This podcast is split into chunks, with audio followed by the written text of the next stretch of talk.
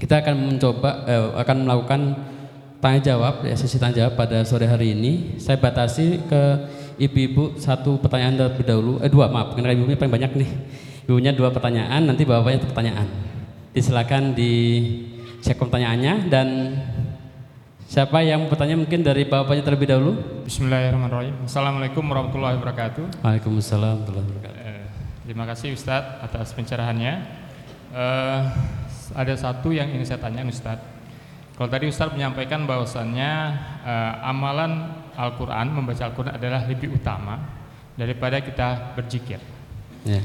Eh, yang ingin saya tanyakan adalah bagaimana dengan eh, kita menghafal Al-Quran dan dibandingkan dengan membaca Al-Quran Ustadz. Katakanlah kita punya waktu yang sangat eh, tidak banyak ya. Katakan kalau dalam satu hari itu Ustadz, karena kan kalau kita menghafal itu kadang-kadang ketika kita belum selesai hafalannya dan satu surat, kita sebenarnya tidak melanjut ke surat yang lain. Bagaimana kalau dalam hari tersebut ataupun kita memfokuskan eh, menghafal saja sampai hafal benar gitu Ustaz. Tapi artinya kita tidak membaca Ustaz. Kira-kira apakah itu lebih baik daripada kita menghafal tetapi dalam hari yang bersamaan kita juga terus tilawah Quran Ustaz. Mungkin itu pertanyaan saya Ustaz. Assalamualaikum warahmatullahi wabarakatuh. Waalaikumsalam warahmatullahi wabarakatuh. Bismillahirrahmanirrahim. Assalamualaikum warahmatullahi wabarakatuh. Waalaikumsalam warahmatullahi wabarakatuh. Alhamdulillah diberikan kesempatan untuk sedikit bertanya pada Ustadz Hartanto yang mana saya pernah baca hadis ada yang disebut ahlilullah yaitu ahli Quran. Nah, kata-kata ahlilullah dan ahli Quran itu adalah al-mahir yang pandai ya. Nah, sekarang misalnya kita ini sekedar baca ya. Terus hanya membaca, menghafal juga belum. Terus sekedar membaca, menghafal juga belum. Terus juga tidak mau memahami makna-makna daripada ayat-ayat tersebut walaupun hanya sekedar melihat terjemah. Tapi baca terus setiap malam. Mungkin bisa satu juz, setengah juz. Apa disebut itu bagian ahlillah, ahli Quran atau bagaimana Ustaz? Baik. Terima kasih. Assalamualaikum warahmatullahi wabarakatuh. Waalaikumsalam warahmatullahi wabarakatuh. Satu lagi ibu-ibu. Tadi ibu ya, ya. Silakan. Assalamualaikum warahmatullahi wabarakatuh. Waalaikumsalam warahmatullahi wabarakatuh. Terima kasih Dengan ibu. atas Dengan kesempatan. ibu siapa, Mak? Da- da- dari Sofi eh, Depok Utara. Bu Sofi. Iya. Ya, Bu Sofi. Oke. Begini Ustadz, saya eh, membaca di sini di bab 3 itu tentang eh, termasuk yang mengagungkan kepada Allah Ta'ala antara lain satu menghormati seorang muslim yang telah tua. Hmm. Yang kedua penghafal Al-Quran Hmm. dan yang ketiga memuliakan pemimpin yang adil. Hmm. Sekarang kita tahu sendiri bahwa ada beberapa pemimpin yang tidak adil. Terus bagaimana kita harus bersikap terhadap mereka? Itu aja Ustaz. Terima kasih. Wassalamualaikum warahmatullahi wabarakatuh. Waalaikumsalam warahmatullahi wabarakatuh. Baik. Ya, pertanyaan pertama dari Pak Gunadi tadi tentang keutamaan membaca Al-Quran dibandingkan dengan keutamaan eh, berzikir yang lainnya. Dan juga yang kedua tentang menghafal Al-Quran. Eh, bahwa yang harus kita perhatikan juga bahwa statement tentang membaca Al-Quran lebih utama daripada zikir yang lainnya bukan berarti kemudian mengabaikan zikir-zikir yang lainnya. Artinya zikir yang lainnya, zikir yang dicontohkan oleh Rasulullah Sallallahu Alaihi Wasallam itu juga harus tetap kita jaga. Jadi bukan berarti kemudian kita nggak perlu zikir, nggak perlu eh, yang lainnya, tapi kita kita harus tetap zikir. Apalagi zikir-zikir yang muqayyad, yang terikat dengan suatu aktivitas yang dicontohkan oleh Rasulullah Wasallam, misalnya zikir pagi hari, zikir setelah sholat, zikir sebelum tidur, zikir bangun tidur dan seterusnya yang telah dicontohkan oleh Rasulullah Wasallam, kita tetap amalkan juga eh, di eh, sebagai eh, ya eh, langkah kita untuk mendekatkan diri kepada Allah Subhanahu wa taala. Jadi meskipun eh, membaca Al-Qur'an lebih utama, tapi bukan berarti kemudian kita melupakan eh, zikir eh, yang eh, selain ayat-ayat eh, Al-Qur'an. Lalu tentang menghafal Al-Qur'an jika dibandingkan dengan membaca mana yang lebih utama? Apakah kita menghafal ketika dalam proses menghafal kita harus menghafal terus tanpa me, me- me- tilawah atau tetap harus tilawah? Ada ungkapan ulama yang menyebutkan bahwa uh, at-tilawatu waqudu al-hifz. Tilawatul Qur'ani waqudu hifzihi. At-tilawatu waqudul hifz. Bahwa membaca Al-Qur'an, tilawah Al-Qur'an itu bahan bakarnya menghafal. Ya, at-tilawatu waqudu al-hifz. Membaca atau tilawah itu bahan bakarnya menghafal. Artinya kalau menghafal nggak tilawah, nggak ada bahan bakarnya, tidak bisa beroperasi, tidak bisa bergerak, tidak bisa uh, dapat banyak, banyak pahala, banyak keutamaan. Jadi dari sini bisa kita ambil kesimpulan bahwa yang namanya menghafal itu bukan berarti mengabaikan tilawah. Uh, jadi ada batas minimum yang harus kita baca bi, uh, namanya bin nazar dengan melihat dengan mata kepala kita uh, dalam setiap harinya minimal minimal uh, membaca misalnya misalnya satu juz per hari misalnya atau lebih dari itu itu yang harus kita capai. Artinya selain kita menghafal target per hari berapa halaman berapa juz misalnya kalau sampai ada yang bisa sampai menghafal juz-juz per hari uh, itu tetap harus tilawah. Jadi bukan berarti tilawah uh, kemudian dikurangi atau enggak tetap itu jadi menghafal atau enggak menghafal, kita harus punya target minimum menghafal, e, membaca perharinya sekian. Ya, kalau bisa usahakan tidak kurang dari satu juz agar per bulannya bisa khatam. Karena para ulama mengambil kesimpulan bahwa orang para ulama menyimpulkan bahwa orang yang tidak bisa khatam dalam waktu satu bulan, ya itu masuk dalam kategori melakukan perbuatan yang makruh. Gitu. 40 hari ya kalau 40 hari nggak bisa khatam makruh itu. Jadi harus bisa khatam. Ya 30 hari kalau 30 hari kita sudah terbantu dengan pembagian juz meskipun di di masa Rasulullah Shallallahu alaihi wasallam belum dibagi menjadi sekian juz sekian juz, tapi itu cukup membantu kita sehingga bisa mengukur uh, berapa uh, berapa perolehan kita untuk tilawah perharinya. Jadi selain tilawah kita juga harus eh, selain menghafal juga harus tilawah. Di lain sisi juga orang yang menghafal itu nggak cukup dengan menghafal dan tilawah. Ada sisi yang lainnya harus murajaah, mengulang hafalan. Jadi interaksi kita sekurang-kurangnya terhadap Al-Quran ketika kita menghafal itu tiga minimal. Belum lagi tambah dengan tadabbur, mendalami kandungannya. Perharinya harus berjalan secara e, bersamaan saling mendukung. Jadi murajaah mengulang hafalan itu juga menguatkan hafalan yang sudah kita hafal. Karena kalau nggak dia, kalau tidak diulang, hafalan yang tidak kita ulang maka lupa, pasti lupa. Nggak ada yang nggak lupa. Al-Fatihah itu nggak lupa karena kita ulang terus kan. Gitu.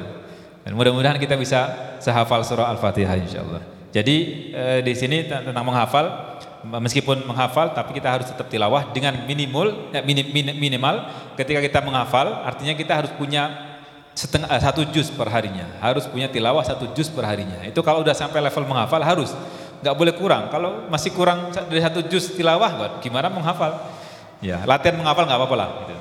Latihan menghafal apa-apa jadi eh, jangan sampai eh, terlalaikan itu Wallahu a'lam. Semoga jelas Pak Gunadi. Yang berikut tentang ahlullah. Inna lillahi ahlin. Dia hadis riwayat Imam At-Tirmidzi disebutkan bahwa sesungguhnya Allah Subhanahu wa taala punya keluarga.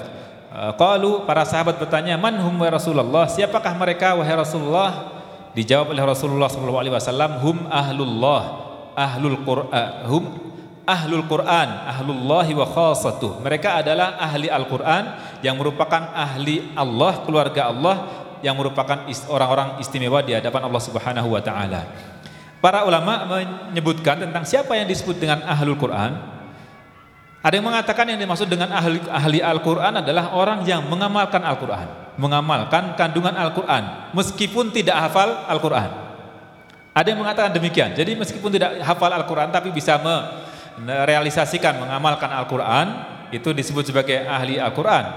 Tapi para sebagian ulama mengatakan yang disebut dengan ahli Al-Quran adalah orang yang hafal Al-Quran. Kenapa? karena orang yang hafal Al-Quran dalam terminologi yang dikenal oleh para generasi awal kita salafus soleh kita yang disebut dengan orang yang hafal Al-Quran itu berarti tadi itu hafal, mahir, ngerti isinya, kandungannya dan juga mengamalkan dalam keseharian. Itulah eh, idealnya selain hafal secara lisan, hafal teksnya, kita juga bisa mengamalkan, mengaplikasikan, mengimplementasikan dalam keseharian dari nilai-nilai yang ada dalam Al-Quran tersebut. Itulah eh, yang harus dikuasai, yang harus dimiliki para ahli Al-Quran. Mungkin dalam eh, level yang lain, mungkin mahir, mahir eh, bisa membaca dengan baik, bisa dalam uh, me, melafalkan dengan baik atau uh, bisa me, ya me, mengajar dengan baik mungkin di level mahir tersebut. Insya Allah semoga Allah kumpulkan kita menjadi ahli Al-Quran atau menjadi bagian dari ahli Al-Quran. Amin ya rabbal alamin. Insya Allah nanti akan ada bahasan-bahasan yang lain lagi berkaitan dengan uh, seputar ahli Al-Quran dan menghafal Al-Quran ini karena masih panjang lagi perjalanan kita di bahasan Atibyan ini. Insya Allah kita akan uh, perluas lagi insya Allah.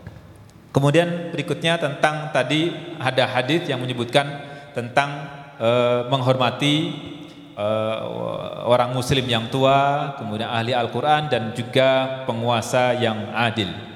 E, bagaimana kita bersikap terhadap pemimpin yang tidak adil?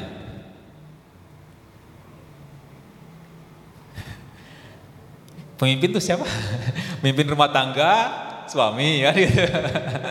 Pemimpin banyak ya, pemimpin banyak Mimpin negara presiden ada atau raja dan banyak laponya semua mimpin. Kullukum ra'in wa kullukum mas'ulun an ra'iyati. Itu yang harus kita ingat bahwa semua kita adalah pemimpin dan akan dimintai pertanggungjawaban atas apa yang dipimpinnya. Bahkan dalam hadis itu kan dari bahkan uh, apa namanya uh, seorang istri itu adalah pemimpin bagi manajemen rumah tangganya dan akan ditanya juga bagaimana dia memimpin rumah tangga, memimpin manajemen rumah tangganya itu, mengatur uh, di rumah tangganya. Jadi kita semuanya adalah pemimpin dan akan dimintai pertanggungjawaban. Itu yang harus kita ingat ya. Jadi nggak perlu jadi presiden dulu untuk jadi pemimpin ya. Karena presiden cuma satu di satu negara. Kalau ada dua perang. Ya, jadi uh, kita semuanya adalah pemimpin yang akan dimintai pertanggungjawaban. Bagaimana sikap kita jika ada yang pemimpin yang tidak adil? Saya ingat dengan uh, cerita ustadz saya dulu dia cerita nggak tahu ada, ada, tulisan di buku yang mengatakan disebutkan bahwa ada seorang uh, juru bicara kelas di sekolah SMP atau oh ya sekolah lah di sekolah yang diminta untuk memberikan sambutan atas meninggalnya anak yang paling nakal di kelas itu. Pas tampil dia bingung nyampaikan apa kira-kira? Mau terima kasih? Terima kasih apa? Mau doain kebaikan? Doain ya gimana lagi? Coba apa yang eh, disampaikan oleh juru bicara ini? Dia bilang kita berterima kasih kepada saudara kita yang dulu di dunia nakal ini. Terima kasih di mana? Terima kasih karena dia telah memberi pelajaran kepada kita agar kita bisa bersabar.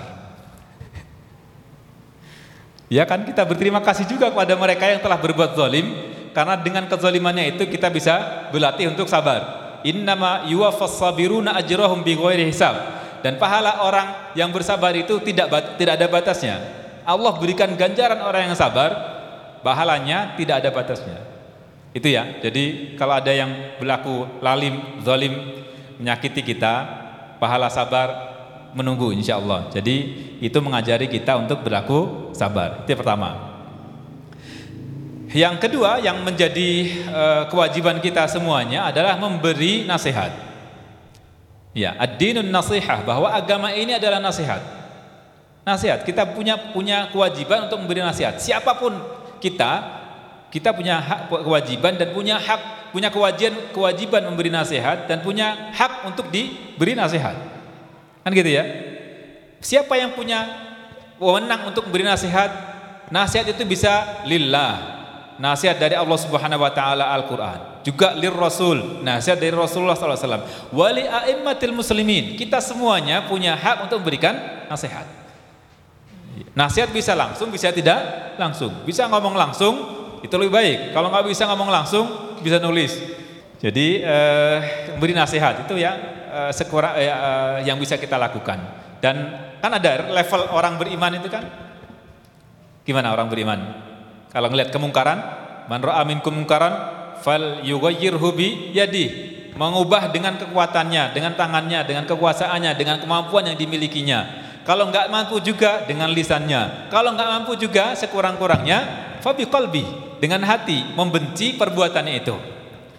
Dan di sisi yang lain kita doakan Semoga Allah Subhanahu wa taala berikan petunjuk kepada pemimpin-pemimpin yang tidak adil, pemimpin yang berlaku zalim.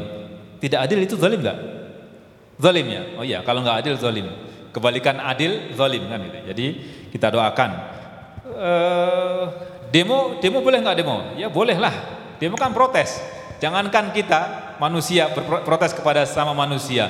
Para sahabat aja tidak jarang protes kepada Nabi Shallallahu Alaihi Wasallam, tapi protesnya pakai adab. Pakai adab kan? Ingat seorang wanita binti Khuwailid. Siapa namanya? Khawlah. Ketika datang ke Nabi Shallallahu Alaihi Wasallam didampingi oleh Aisyah radhiyallahu anha menyampaikan keluhannya mengadukan suaminya yang menzihar menyamakan dirinya seperti ibu si suami Akhirnya hal itu menyakiti hatinya karena hukum jahiliyah, hukum Quraisy pada masa itu orang yang menzihar istrinya berarti telah jatuh talak terhadap istrinya. Dan itu yang berlaku sampai sebelum turun ayat tentang zihar ini. Maka beliau mengadu ke Rasulullah SAW. Ini kan protes, ini kan demo juga, cuma nggak memobilisasi massa saja dia. Tapi ngajak Aisyah juga mendampingnya. Dia menyampaikan itu, mengeluh kepada Nabi Shallallahu Alaihi Wasallam dan ternyata yang menjawab adalah Allah Subhanahu Wa Taala. Allah yang memberikan jawaban tentang zihar itu. Jadi boleh kita protes, boleh kita menyampaikan, unek-unek menyampaikan pendapat, menyampaikan uh, apa yang kita ingin sampaikan, masukan, nasihat, kritik kepada pemimpin kita. Hal yang lainnya ya pilih pemimpin yang adil. Itu. Semoga Allah Subhanahu wa taala pilihkan pemimpin-pemimpin yang adil pada kaum muslimin semuanya. Amin ya rabbal alamin. Demikian hadirin semuanya, jam 17.26 menit eh, ada 4 menit lagi sebagai penutup kita baca doa terlebih dahulu. Semoga Allah Subhanahu wa taala ridhoi kita menjadi bagian dari ahlul Quran. Semoga Allah Subhanahu wa taala sembuhkan, pulihkan, sehatkan saudara-saudara kita yang sedang sakit dan semoga Allah Subhanahu wa taala jaga kita untuk berada dalam kebaikan, dalam kesehatan sampai husnul khatimah. Amin ya rabbal alamin. الفاتحة. أعوذ بالله من الشيطان الرجيم. بسم الله الرحمن الرحيم. الحمد لله الرحمن مالك. إياك نعبد صراط الذين أنعمت عليهم غير المغضوب عليهم ولا أعوذ بالله من الشيطان الرجيم. بسم الله الرحمن الرحيم. الحمد لله رب العالمين. ونصلي ونسلم على أشرف الأنبياء والمرسلين سيدنا ونبينا محمد وعلى آله وصحبه أجمعين. اللهم إنا نسألك بأننا نسهد اللهم إنا نسألك بأننا نشهد أنك أنت الله الذي لا إله إلا أنت الأحد الصمد الذي لم يلد ولم يولد ولم يكن له كفوا أحد. اللهم اغفر لنا ولوالدينا وارحمهم كما ربونا صغارا.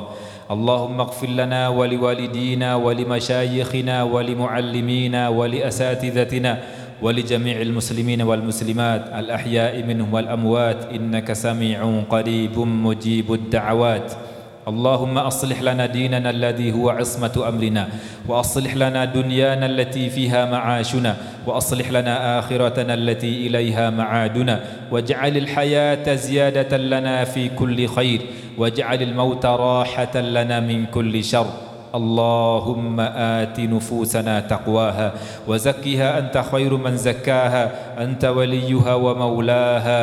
اللهم أرنا الحق حقا وارزقنا اتباعه وأرنا الباطل باطلا وارزقنا اجتنابه.